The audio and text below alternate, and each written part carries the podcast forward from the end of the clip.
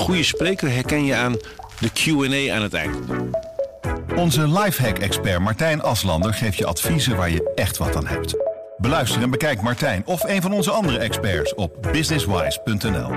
Businesswise, het nieuwe platform voor iedereen met ambitie. Je luistert naar de verkiezingspodcast Politiek Dichtbij. Met Tobias Den Hartog en Leendert Beekman. Geen avondklok, toen weer wel een avondklok. Een spoedwet, een hoger beroep. Het was me het politieke weekje wel. Mevrouw de voorzitter, wat een totale afgang. Wat een gênant geklungel. Wat een blamage voor minister-president Rutte. En wat een mokerslag voor de geloofwaardigheid van het coronabeleid van zijn kabinet in het algemeen. En de avondklok in het bijzonder. En om over dat geklungel te praten is bij ons politiek verslaggever Niels Klaassen. En in dit kader hebben we het ook over de onbetrouwbare overheid en de gevolgen daarvan op het vertrouwen in de politiek.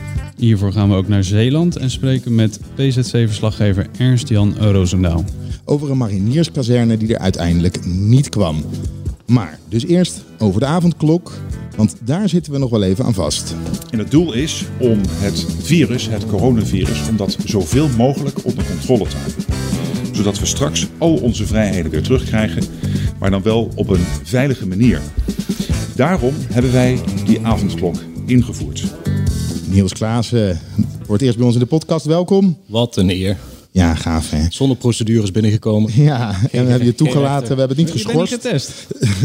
Geen, geen rechter aan te pas gekomen. Nee, maar je was daar wel bij. Wat een dag was dat vorige week eh, Het was eh, dinsdag. de eerste keer in mijn leven dat ik eh, betaald werd om naar het theater te gaan. Zo Ja. zou ik het zelf omschrijven, ja. Nou, Neem ons mee door die dag. S'morgens komt Nou, er een uitspraak. Eh, s s ochtends kwam er een uitspraak die volgens mij niemand op zijn netvlies had staan. Want ja, het was procedure nummer 12, denk ik, van viruswaarheid. Ja, en toen ging dat balletje rollen. Hè. Eh, En de rechter zei, eh, verkeerde wet gebruikt, avondklok, die gaan... eh, tafel. ja. Nou ja, toen moest er wat. Binnenhof, eh rep en roer. Spoed, turbo spoedappel. Ja. Stond het in je Ik vond het woorden. een beetje kinderachtig klinken, turbo Ja. spoedappel. Alsof een kleuter het bedacht had. Er zijn andere advocaten, ja, maar je hebt ook nog een mega turbo spoedappel. Nou, dat, dat trek ik niet. Dus nee, dat was 's middags om vier uur. Met frisse tegenzin op het fietsje naar het hof. Jeetje, hè, we konden toch lekker thuiswerken vandaag? Nou, nee. Ja. Ja. wat zich daar ontspon was wel echt een beetje kluchtig, ja. ja. Eh, dus zeg maar viruswaarheid voor de mensen die, eh, die, de, die de stichting niet kent. Vooral bekend dansleraar Willem Engel, hè, aanvoerder, eerste man. Maar nu eigenlijk de spotlight voor eh, Jeroen Pols. Ja. Tweede Zijn man. jurist, zijn huisjurist. jurist, huisjurist inderdaad. Ja. Zichzelf in de gevangenis geschoold tot een eigen zeggen cum laude afgestudeerd meester in de rechten.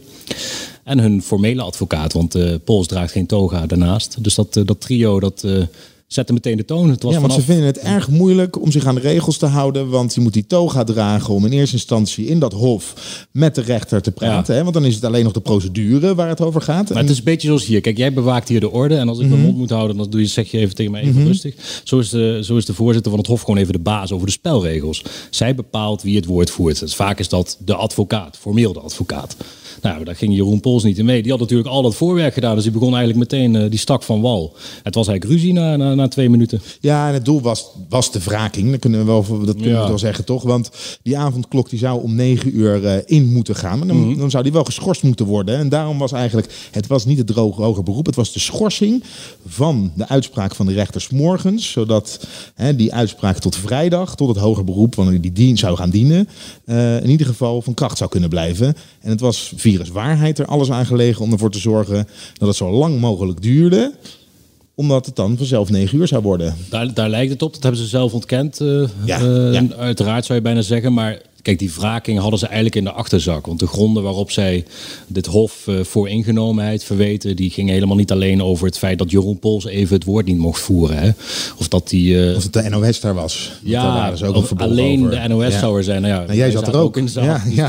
Er waren wel meer dingen die daar, daar niet aan deugden. Maar dat verzoek zat er zo in de achterzak. En dat kwam eigenlijk meteen op tafel. En je zou kunnen zeggen dat die voorzitter van het Hof daar zelf ook wel een beetje aan meewerkte. Mevrouw Tande Sonnaviel, we kennen haar naam inmiddels eh, Mhm. allemaal. Maar zij probeerde ook niet echt met souplesse en, en, en, eh, en tact eh, dat bommetje te ontmantelen. Nee. Ze trok zelf eigenlijk de pin uit de granaat. Ja, Ja, eh, even advocaat van de duivel. Ik kan me wel voorstellen dat, eh, dat eh, Engel en Pols, ik bedoel, die, die winnen dan s'morgens die zaak. Dan doet een rechter ook nog een uitspraak dat dat onmiddellijk ingaat. Hè. De rechter had natuurlijk ook kunnen zeggen, we wachten nog twee dagen voordat deze uitspraak effectief wordt.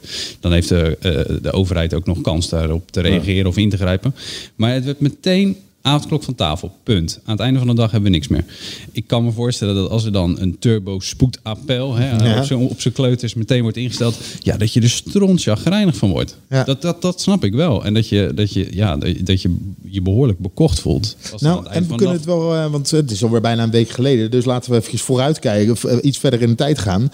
Want dat chagrijn kwam er ook direct uit. Hè? Want wat er gebeurde, nog voor negenen werd die, eh, werd, eh, die uitspraak werd, eh, geschorst. En eh, daar waren ze eigenlijk niet echt over te spreken. Jij wilde dit fragment laten horen. U bent er toch inhoudelijk op ingegaan. En heeft de geloofwaardigheid Wordt de van de zitting rechtspraak- heeft de gesloten? geloofwaardigheid van de rechtspraak. Pardon, ik heb het Ja, dat heeft u wel. uitgezet. Wordt de zitting gesloten? Zullen we Ja. moeten verantwoorden voor de rechter zelf? Nou, we horen hier Engel en we horen Pols. Wat zeggen zij precies? Nou ja, eh, ze zeggen sowieso dat deze uitspraak eigenlijk eh, dat de rechter, of de voorzitter van het Hof, boekje te buiten ging. Door wel degelijk inhoudelijk te oordelen over de avondklok. Daar kun je over twisten. Zij formuleert, "Yo, ik heb hier een procedure eh, en ik wil geen yo-yo-effect. Dus elke uitspraak die ik nu doe zou een yo-yo-effect kunnen teweegbrengen. Dus ik, eh, ik schors hem en, eh, en we gaan vrijdag verder. Maar goed, wat ze hier doen, wat Engel eigenlijk in de marge nog zegt. Hij zegt, ooit zal de rechtspraak zichzelf moeten verantwoorden voor de rechter. Ja. En dat zijn wel eh, woorden en dat is retoriek die hij vaak gebruikt. Eh, Gaan, daar gaan we zo meteen uitgebreid op in.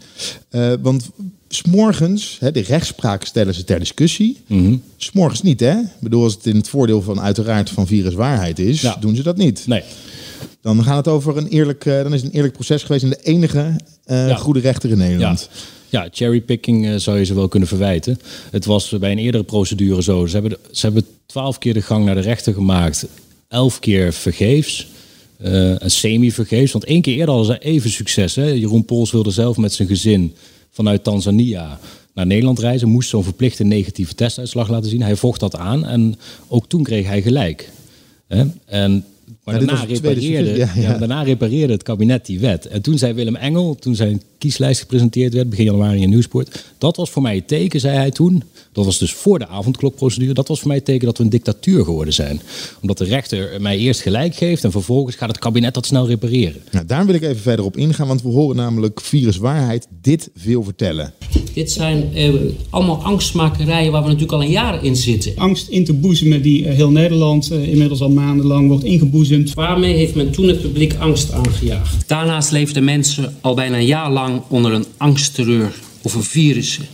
Ja, Tobias, licht jij dus even toe. Waar worden wij, welke angst wordt ons aangepraat door wie? Ja, nou ja, ik vrees dat wij daar deel van zijn dan. Ja. Want wij geven de, het- de, de boodschap van het kabinet. Dus het gaat om eh, welke, eh, welke, eh, vu- welke virusmutant er op ons afkomt. Hè. De, de, de, het Britse virus, hoe, hoeveel besmettingen er per dag zijn. Wij, wij van de media, media Ja. zijn, daar, eh, zijn daar onderdeel van. Dus ik denk dat, dat, dat zij dat als één groot eh, zij tegen ons zien. Ja, en dan hebben we het over het kabinet, Ja.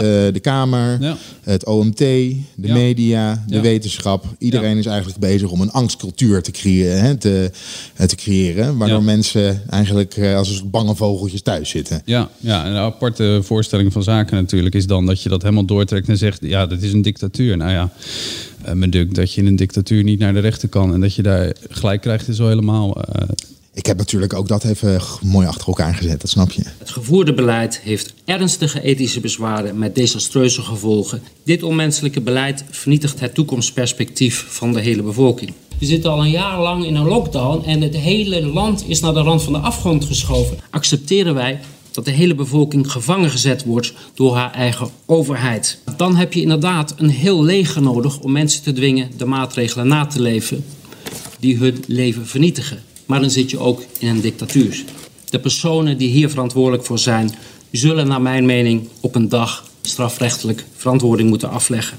Ja, we leven dus in een dictatuur. Het leven wordt vernietigd. Er is geen vrijheid meer. Als je het over angst zaaien hebt, hè, eh, is dit niet een heel goed voorbeeld van angst zaaien? Ja, het is in ieder geval, eh, lijkt me een beetje een verkeerde voorstelling van zaken. Want ze stellen dat er geen, eh, ja, dictatuur eh, impliceert alsof wij niks te zeggen hebben. Er geen tegenmacht is bij de macht. Nou, ze, ze tonen zelf aan dat het, de rechtsstaat tamelijk sterk in elkaar steekt. Omdat ze bij de rechter nu deels gelijk hebben gekregen. Het gekke is dat verantwoorden en later zullen ze zich moeten verantwoorden. Het gaat ook over media, hè, zoals Tobias al zei. Dat gaat over de regering, de Kamer. Er wordt gesproken over een tribunaal. Ja, waar dat mensen zou dan moeten maar in komen. Nuremberg moeten, moeten gebeuren. Heeft Willem Engels zich wel eens laten ontvallen. Nou, we weten dat dat de plek is waar de, na de Tweede Wereldoorlog... eh, De nazi-kopstukken zijn eh, Precies. ter verantwoording zijn geroepen. Dus die, de Godwin eh, ligt ook voor in de mond. Ja, het is wel tamelijk, tamelijk angstaanjagende teksten. Want het, het schept een soort beeld alsof eh, Bijltjesdag eh, nabij is. En ook de voorspelling van Engel, hè, de, die dag. Hij zegt, er zullen vandaag mensen eh, feestend over straat gaan vanavond, als Ja. deze avondklok... eh, nou, ik moest dus voor het eerst na de avondklok tijdstip moest ik... de, de stad in. Ehm, toen was hij natuurlijk wel gerepareerd. Eh, rond half negen was dat volgens mij. Maar dat zou ik bedenken dat de feestende massa's nog steeds op uittrokken. Nou, het was tamelijk rustig. Ja. Dus het is ook een soort verkeerde voorstelling van zaken die we trouwens wel vaker horen. Want ik ben een paar keer met hem in gesprek geweest. Bijvoorbeeld in Nieuwsport. En dan hebben we in de eerste drie minuten tijd heeft hij al twee keer aantoonbaar gelogen. Eén keer in Nieuwsport. Ik was de enige journalist, zei hij. Ik ben blij dat er zoveel pers aanwezig is. Mhm. ja, ik weet niet wie hij allemaal als pers omschrijft. Nou, ik ja. was alleen. En de tweede keer zei hij, ja, jij bent gestuurd door het kabinet of door je hoofdredacteur. Nou ja, die ochtend, ik had geen idee wat ik ging doen. Ik ben daar zelf naar binnen gewandeld. Het zijn kleine dingen misschien, maar het geeft wel iets aan. Ah, je Ja. bent wel een one- one-man army, ben. Zo is dat. Ja. Maar het, het, het- dat verantwoorden, hè, je, je kunt je natuurlijk afvragen. Kijk, er zit nu, dus blijkbaar zit er een, eh, een rechterlijke controle op, die, eh, op het instellen van die avondklok. De rechter zegt, ho, stop. Dit gaat even niet goed. Er moet, hier moet een andere juridische basis onder. Dat is controlemechanisme 1. Dan heb je het parlement. Die heeft zich nu weer... Maar die heeft zich bemoeid met de avondklok. Die heeft zich daar tegen uit kunnen spreken. En nu ook voor uit kunnen spreken. Dus daar, daar is een tweede mechanisme. En dan komt er, daar kun je donder op zeggen... nog een keer een parlementaire enquête over de hele coronacrisis. Nog los van de onderzoeken die daar al naar lopen door onafhankelijke instanties. Kijk, je kan het natuurlijk iedere keer helemaal wegzetten met dat is, dat is de kliek, dat zijn jullie, eh, dat heeft geen enkele waarde. Maar ja, dit zijn wel de spelregels. En zij doen dus deels mee met dat spel, met die spelregels. Ja, dan kun je niet zeggen als je gelijk hebt, ja, het werkt allemaal prima. En als je ongelijk krijgt, Maar die cherrypicking, waar jij het net over had, eh, Niels, dat zie je veel vaker. Ook gewoon in de zitting van dinsdagavond en de zitting van vrijdag. Want op dinsdagavond hoeft, eh, zegt, zegt de viruswaarheid tegen de rechter, je hoeft je niet zo'n zorgen te maken over dat er massa's mensen de straat op gaan. Want 95% van de, de Nederlanders zegt zich netjes aan, eh, aan coronamaatregelen te houden. En op vrijdag zeggen ze. Eh, uit een eh, poll van eh, RTL blijkt dat 80% tegen de avondklok is. Dus het is gewoon, ja, ze kiezen eventjes eh, de, de, de bronnen die ze, die ze belangrijk vinden. Daarbij ook, de media is niet te vertrouwen. Behalve als de media iets schrijft dat in hun straatje past. Want dan is RTL kennelijk wel een betrouwbare bron om, om aan te halen. En be- als je het over. ze vonden het dinsdag, dinsdag allemaal veel te snel gaan. En vrijdag zegt de rechter, nou laten we even goed nadenken over, dit, eh, over een beslissing die we moeten nemen. We gaan er een week over doen, hè, want het is veel informatie. En dan is Willem Engel weer boos omdat het te lang duurt. Ja, en ik, nou, even op het laatste punt. Hè, van, ineens gaat alles snel. Kijk, daar kun je natuurlijk wel iets bij afvragen. Want de, de, de, het kabinet, eh, s s'morgens krijgen ze ongelijk. Dan wordt er in vijf uur tijd wordt er een nieuwe wet geschreven. De Raad van State die staat gelijk klaar om advies te geven. Dat duurt normaal langer. En er is die middag nog spoedappel. Je moet natuurlijk wel eventjes, als je dat een beetje uitvlooit, dan kun je zien dat de Raad van State al maanden geleden heeft gezegd: jongens, als er spoedeisende dingen zijn op coronavlak, zijn bij ons alle verloven ingetrokken, komen we naar kantoor, lezen we dat ding, desnoods werken we een nacht door en de volgende dag hebben jullie eh, advies. Dus dat, dat, dat was al voorzien. Alleen niemand weet dat natuurlijk. Nee. Het andere is, die, dat spoedturbo-appel. Ja, eh, de Raad van State heeft zelf ook nog even de cijfers geleverd. Dat gebeurt zo- zo'n 200 keer plus per jaar. En in dit geval was het natuurlijk ook nog zo. Dit ging heel Nederland aan. Ik kan me voorstellen dat ze bij het Hof dachten: ja, jongens, als er ooit een spoedturbo-appel nodig is over iets belangrijks, dit keer wel. dan is het nu wel. Ja. dat zei die woordvoerder van het Hof ook. Want er kwamen natuurlijk veel vragen over. Ik denk ook terecht, hè, dat iedereen, ja, joh, als ik iets heb met de overheid, hè, dan eh, kan ik achteraan sluiten in de rij. Toen zei ze, ja, we kunnen dit moeilijk met andere zaken vergelijken. Hoe vaak hebben we avondklokken en lockdowns? Ja. Maar dit is wat ons betreft zo'n algemeen belang en zo spoedeisend dat hij dus gewoon bovenop de stapel komt en dan wordt het geregeld. En bovendien, advocaten zeggen dat ook, iedereen heeft het, eh, het snelnummer van de president van een rechtbank of een hof in zijn telefoon voor als er iets gebeurt wat gewoon heel snel afhandeling verdient. Een uitzetting, een bomenkap, dat zijn kleine voorbeelden, maar er wordt wel vaker haast gemaakt. Ja, we gaan nu ook even haast maken, want hè, er komt de Kamer komt bijeen. Eh, want eh, er is in no time is er een eh, spoedwet geschreven om ervoor te zorgen dat de avondklok, eh, ook als het Hof hè, het eens is met eh, de uitspraak van de rechter van dinsdag, er toch nog een avondklok is. Niels, nu mag jij eventjes een voorspelling doen. Eh, Ja. Aanstaande vrijdag, wat gaat het worden? Ik heb echt zoveel weddenschappen verloren met voorspellingen, dus deze durf ik ook nog wel aan. Ik denk dat het Hof inderdaad die, die oude avondklok vernietigt. Ja, net als die eerste rechter. Ja, dus virus waarheid krijgt daar gelijk. Goedkoop flesje wijn. ja, laten we dat doen. Hey, eh, de avondklok blijft wel, want eh, er is een nieuwe spoedwet. En de scholen gaan weer open, de middelbare scholen, Tobias. Zo waar, ja, ja, ja, het zat eraan te komen. Ja, er is wel iets, er is wel iets raars aan de hand. Hè. Het, eh, het kabinet was dit weekend in het Katshuis bijeen. Morgen is er weer een eh, persconferentie. En ehm, nou, de, de avondklok wordt voortgezet. De scholen gaan open, maar nu wordt er ook gesproken over kappers en winkel, eh, winkels open op afspraak. Er is wel iets bijzonders aan de, aan de gang, want de volgorde der dingen vol- volgens het kabinet was altijd avondklok eraf, scholen open, dan de rest. En nu is het avondklok blijft, scholen open en misschien nog wat andere dingetjes. Kapper.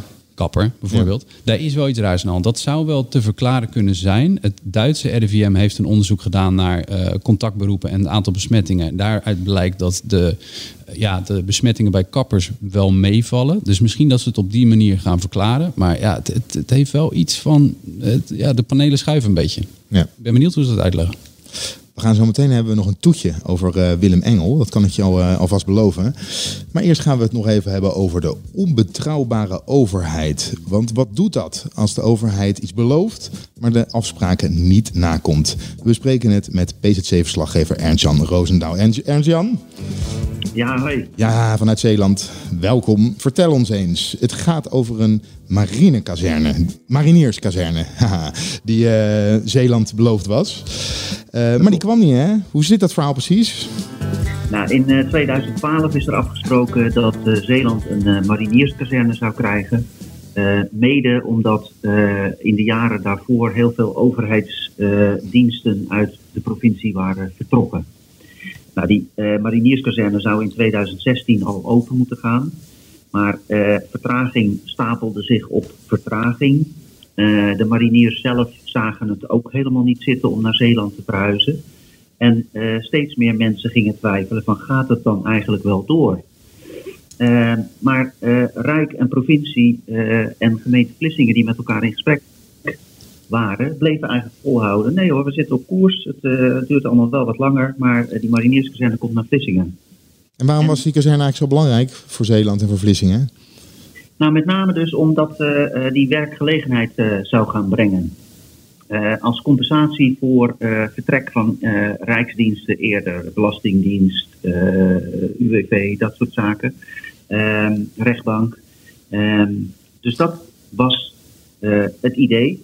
Ja, en wat Ja, op een erg stak, was dat het eigenlijk eh, een soort uitlekte, hè, dat hij niet kwam, die marinierskazerne. Ja, overal, overal kwamen berichten van eh, het gaat waarschijnlijk toch niet door. Ehm, en eh, toen werd er dus door gemeente Vlissingen en de provincie direct aan staatssecretaris Barbara Visser om opheldering gevraagd van is dat zo? En in eerste instantie bleef ze bij de ontkenning. Nee hoor, het gaat gewoon door in Vlissingen. Ja, en dan eh, eh, iets meer dan een jaar geleden kwam het hoge woord er in een overleg toch uit van nee, het gaat niet door. Eh, En zullen we even luisteren hoe dat dan, wat er daarna gebeurde? We horen onder andere Isabelle Dirks van GroenLinks, Henk Krol, Van der Staaij, Rutte, eh Wientjes. eh, allemaal over die kazerne die zou komen, maar er niet kwam. Het zicht op de haven met een voet op de K is de voorgenomen verhuizing van de marinierskazerne naar Vlissingen toch nog gekapseist. Ze zijn door deze staatssecretaris volkomen voor joker gezet, bedonderd. Kijk, de staatssecretaris heeft netjes haar excuses aangeboden en gezegd van Zeeland, dit had niet zo eh, gemoeten. Ehm, ik ben inderdaad in gebreken gebleven om Zeeland mee te nemen in de afwegingen. Maar ondertussen is het kwaad natuurlijk wel geschied. We zijn het er niet over eens. Ik vind dat we het besluit moesten nemen. De Zeeuwen vinden het een verkeerd besluit. Waar we het wel over eens zijn is dat als je dat dan doet, dat je dan ook moet zorgen dat er alternatieven, fatsoenlijke alternatieven komen. Daar gaan we aan werken. Nee, die boosheid is niet weggenomen. Wat er natuurlijk is gedaan en de vorm, hoe het is gedaan, dat, kan het, dat is onbeschrijfelijk. Het is eigenlijk gewoon respectloos. Vanavond wordt er in het provinciehuis met staatssecretaris Knops van Binnenlandse Zaken gesproken over de compensatie van het afblazen van de marinierskazerne. Er is geen akkoord vandaag gesloten, was ook niet de bedoeling van het gesprek van vandaag. Maar ik heb er alle vertrouwen in dat we, dat we hier een, een, een mooi pakket van kunnen maken. Ehm, wat me verbaast is dat ehm, de bevolking, met name van Vlissingen, eh, daar eigenlijk geen inspraak heeft gehad. Belangrijk is natuurlijk dat we goed gekeken hebben wat de kracht van Zeeland is, maar ook wat de zwakte van Zeeland is. Het akkoord is echt daarop gericht om te kijken wat zijn de sterke punten en kun je die verder versterken en wat zijn de zwakke punten en hoe kun je die compenseren. Ik vind echt dat Zeeland in één keer een sprong maakt naar een veel sterkere provincie en dat het Rijk er ook van profiteert. Ernst-Jan, jij hebt dit eh, proces helemaal meegemaakt. Leg ons nou eens in Jip en Janneke taal uit wat we net hoorden. Want we begonnen bij de kazerne kwam er niet. En wat gebeurde er toen? Nou ja, in eerste instantie eh, een, een storm van verontwaardiging hier in Zeeland. Je kunt het niet helemaal vergelijken met eh, zeg maar de, de kwestie van het gas in Groningen. Wel denk ik de manier van opereren van de regering, maar natuurlijk niet de effecten, eh, omdat het eh, wel een verschil maakt of je als bewoner eh, in een huis woont wat op instorten staat, bij wijze spreken. Maar het is wel zo dat over alle partijen heen in Zeeland er buitengewoon verontwaardigd werd gereageerd van zo kun je niet omgaan met een regio. En ik denk dat men in Den Haag daar ook wel van doordrongen was, er ook wel van geschrokken is. En, eh, Precies, ja, Tobias met zijn hoofd schudden hier. eh, dat was niet het geval? Nou, het was geen nee, maar het was een beetje twijfel. Nee, maar het, het is natuurlijk, dat- dat is voor de zeeuwen. Ik denk dat, dat Ernst-Jan gelijk heeft. Ik denk dat ze wel eh, geschrokken zijn van, eh, van eh, eh, de boosheid. Maar ja, het is, Haagse is natuurlijk ook, het is wel een beetje koehandel, hè? Eh, Ik bedoel, dan gaat een kazerne niet door, dan krijg je iets anders voor terug. Ja, da- daar wordt in Den Haag natuurlijk ook een beetje klinisch naar gekeken. Het, probleem was wel dat de eh, Haagse vooraanstaande politici hier ook geen goed woord voor over hebben. En je wil natuurlijk geen oorlog met een provincie, want je bent echt heel erg, erg afhankelijk van elkaar. Dus eh, ja en nee, zou ik zeggen. Ja, ja. Ja.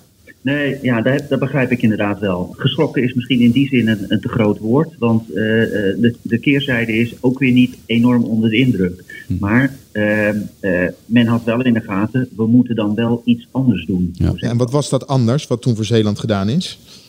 Nou, er werd eigenlijk eh, eh, bliksemsnel eh, gekeken naar wie kan er een compensatiepakket voor Zeeland samenstellen. Toen kwamen ze uit, uit bij eh, Bernard Wientjes, de oud-werkgeversvoorzitter. Die is met allerlei partijen hier gaan overleggen.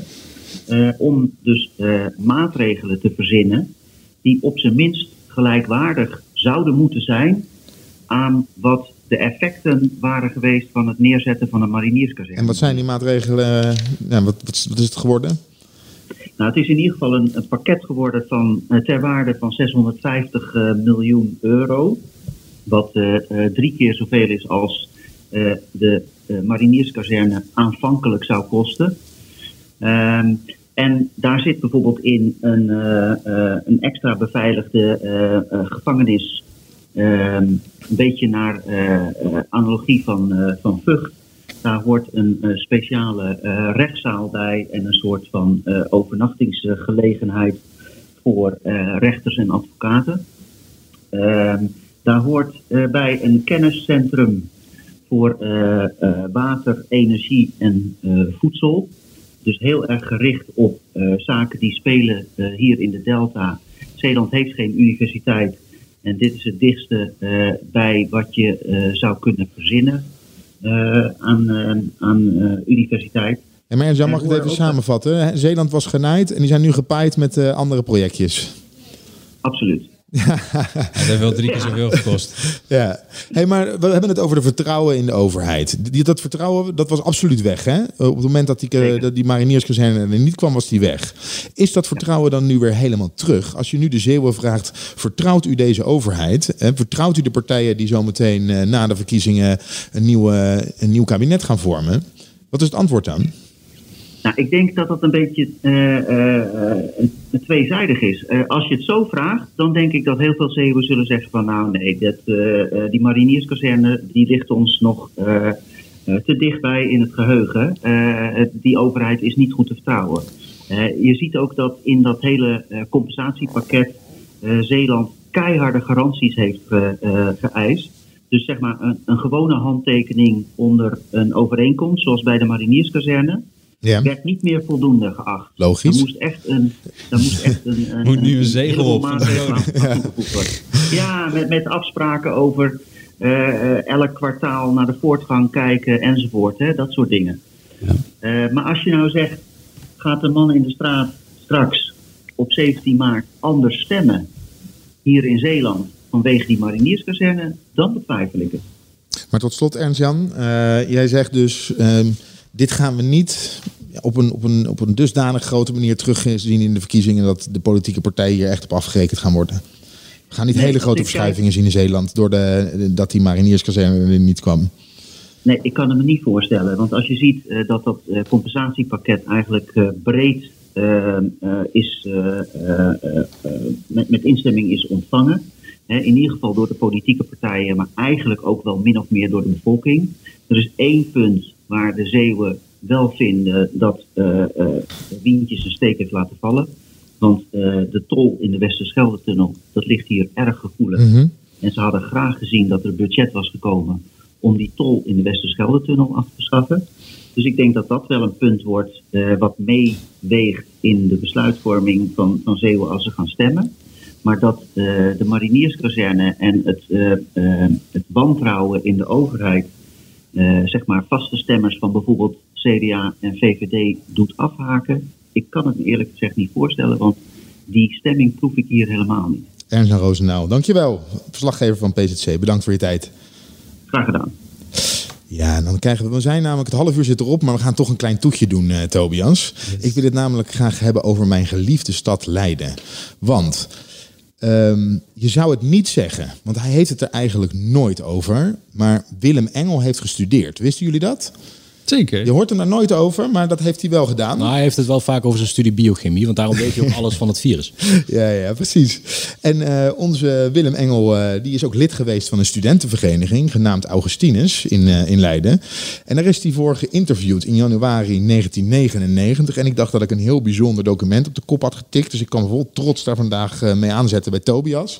Oh ja, dat heb ik gelezen, zei hij toen. Ja, spraakmakend interview. Ja, spraakmakend interview met eh, commissaris Willem Engel. En waar is hij nou commissaris van? Hij is eh ordecommissaris. En dan wordt hem gevraagd, en wordt er gezegd... als ordecommissaris kent Willem Engel natuurlijk de klappen van de zweep. Hoe zou zijn ideale ordesysteem eruit zien? En we moeten dit wel vanuit een, eh een studenticosi-achtig interview moeten we dit zien. Maar hier zien we wel al, ja nogal ja.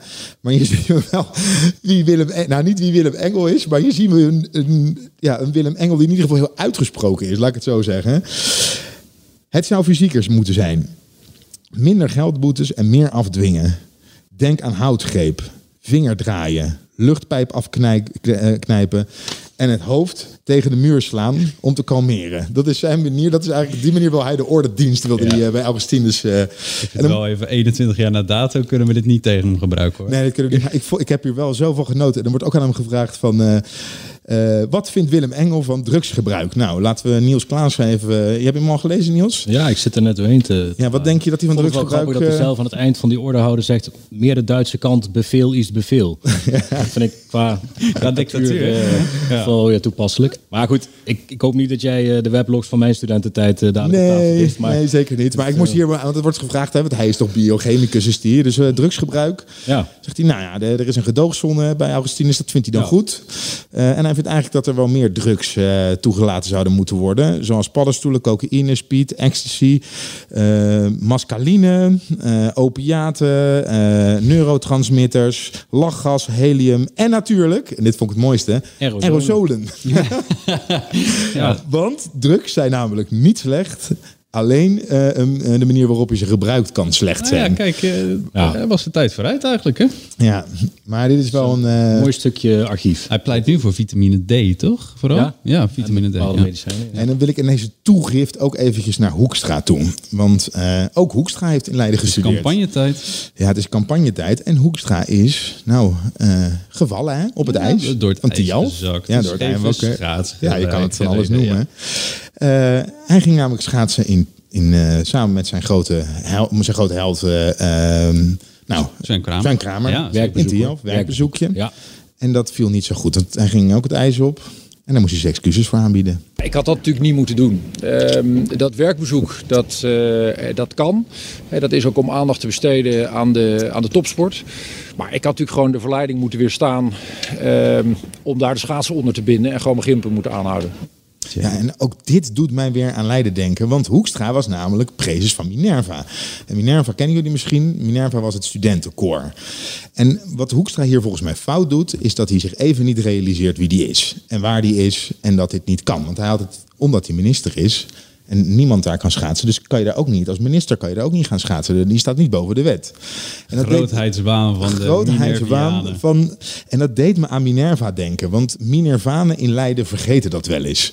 Ze vergeten wel eens dat dat clubje dat ze daar hebben, dat is aan de Breestraat, dat dat slechts hun clubje op de Breestraat is. Dat alle verhoudingen zoals die daar binnen, hè, binnen het pand, eh, eh, zoals ze daar zijn, ook eh, de hiërarchische verhoudingen, dat de rest van Leiden en ook hun medestudenten die niet lid zijn van Minerva, daar totaal geen idee van hebben. Dus zij verschijnen bij, bij werkcolleges eh, en hoe hoger ze in een bepaald groepje zitten of in een bestuur, hoe arroganter ze zijn. En zo gedragen ze zich ook. Alleen als je daar als medestudent rondloopt, dat zoals ik ook daar rondliep, dan snap je daar helemaal niks van. Want je, er is iemand die komt in een pak aan, die komt half dronken bij een, eh, bij een werkcollege zitten. iedereen Die gedraagt zich als een, als een totale idioot. En die denkt dat dat normaal is. Maar iedereen eromheen zit daar vol verbazing naar te kijken van wat is hier nou aan de hand? En dan blijkt het de Minervaan te zijn. Nou ja, in, dit op, in dat opzicht is er weinig veranderd. Want dit is natuurlijk, we, we hebben een beetje eh, uitge, uitgevlooid hoe, hoe dit nou is gegaan. Hè? Dat, eh, dat werkbezoek wat dan eh, wat Hoekstra heeft afgelegd. En dan zie je dat bij, binnen het CDA, er was gewoon een plannetje in de maak om eh, even het, eh, eh, zo, zo noemde CDA Sander, Sander de Rauwe dat, die, het bezoek heeft georganiseerd.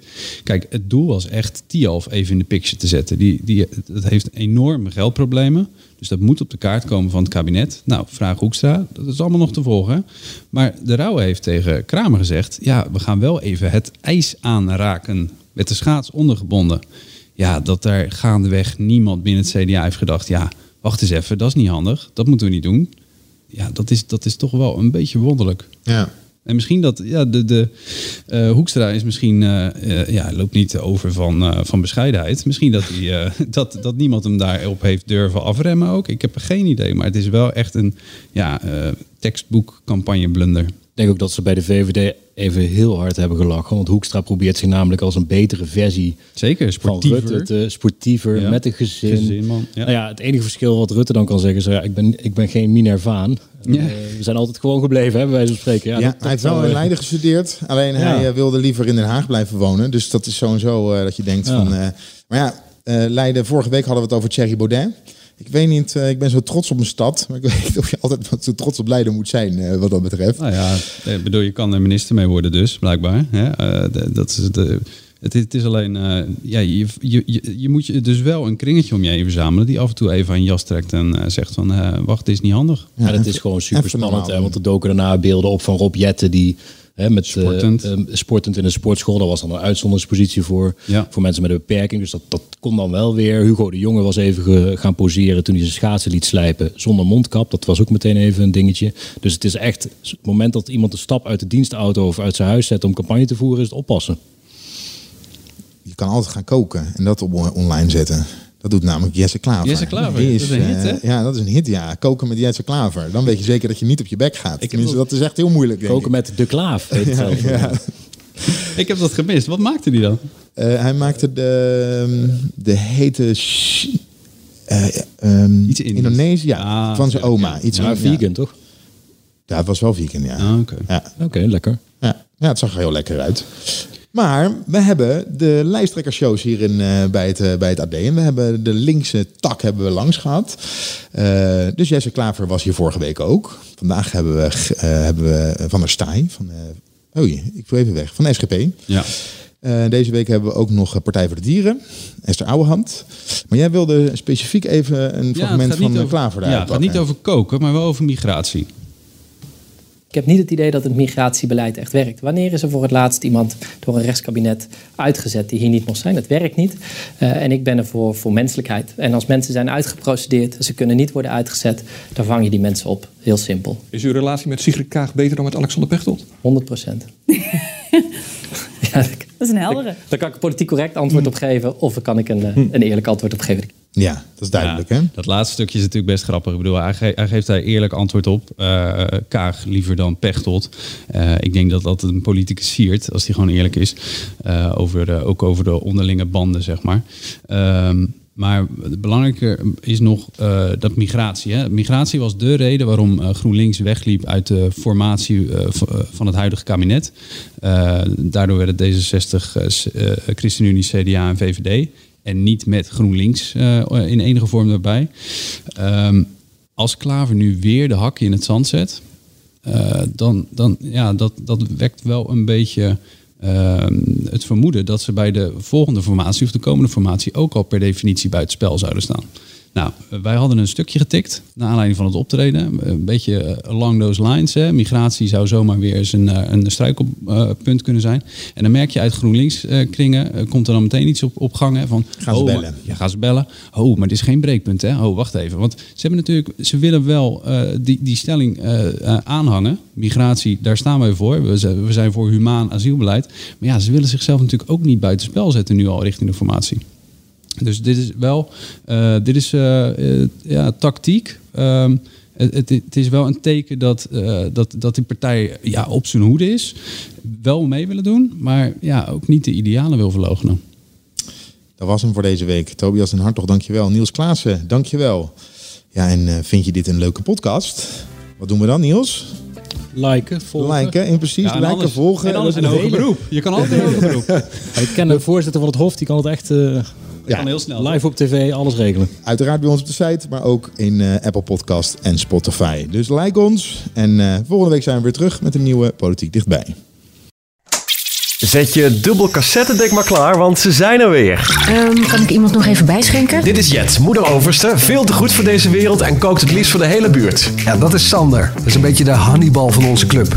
Beetje degelijke huisvader hoor. Manuel, soms een tikkeltje jaloers. Vooral op sportieve veertigers en op mensen die niet in het uber saaie Hilversum wonen. Moet jij zeggen, Wietske, ons groentje die nog het liefst elk weekend in de lampen hangt. Maar met twee jonge kids het alleen licht ziet worden met Duplo en Nijntje. Gezellig jongens, zullen we beginnen?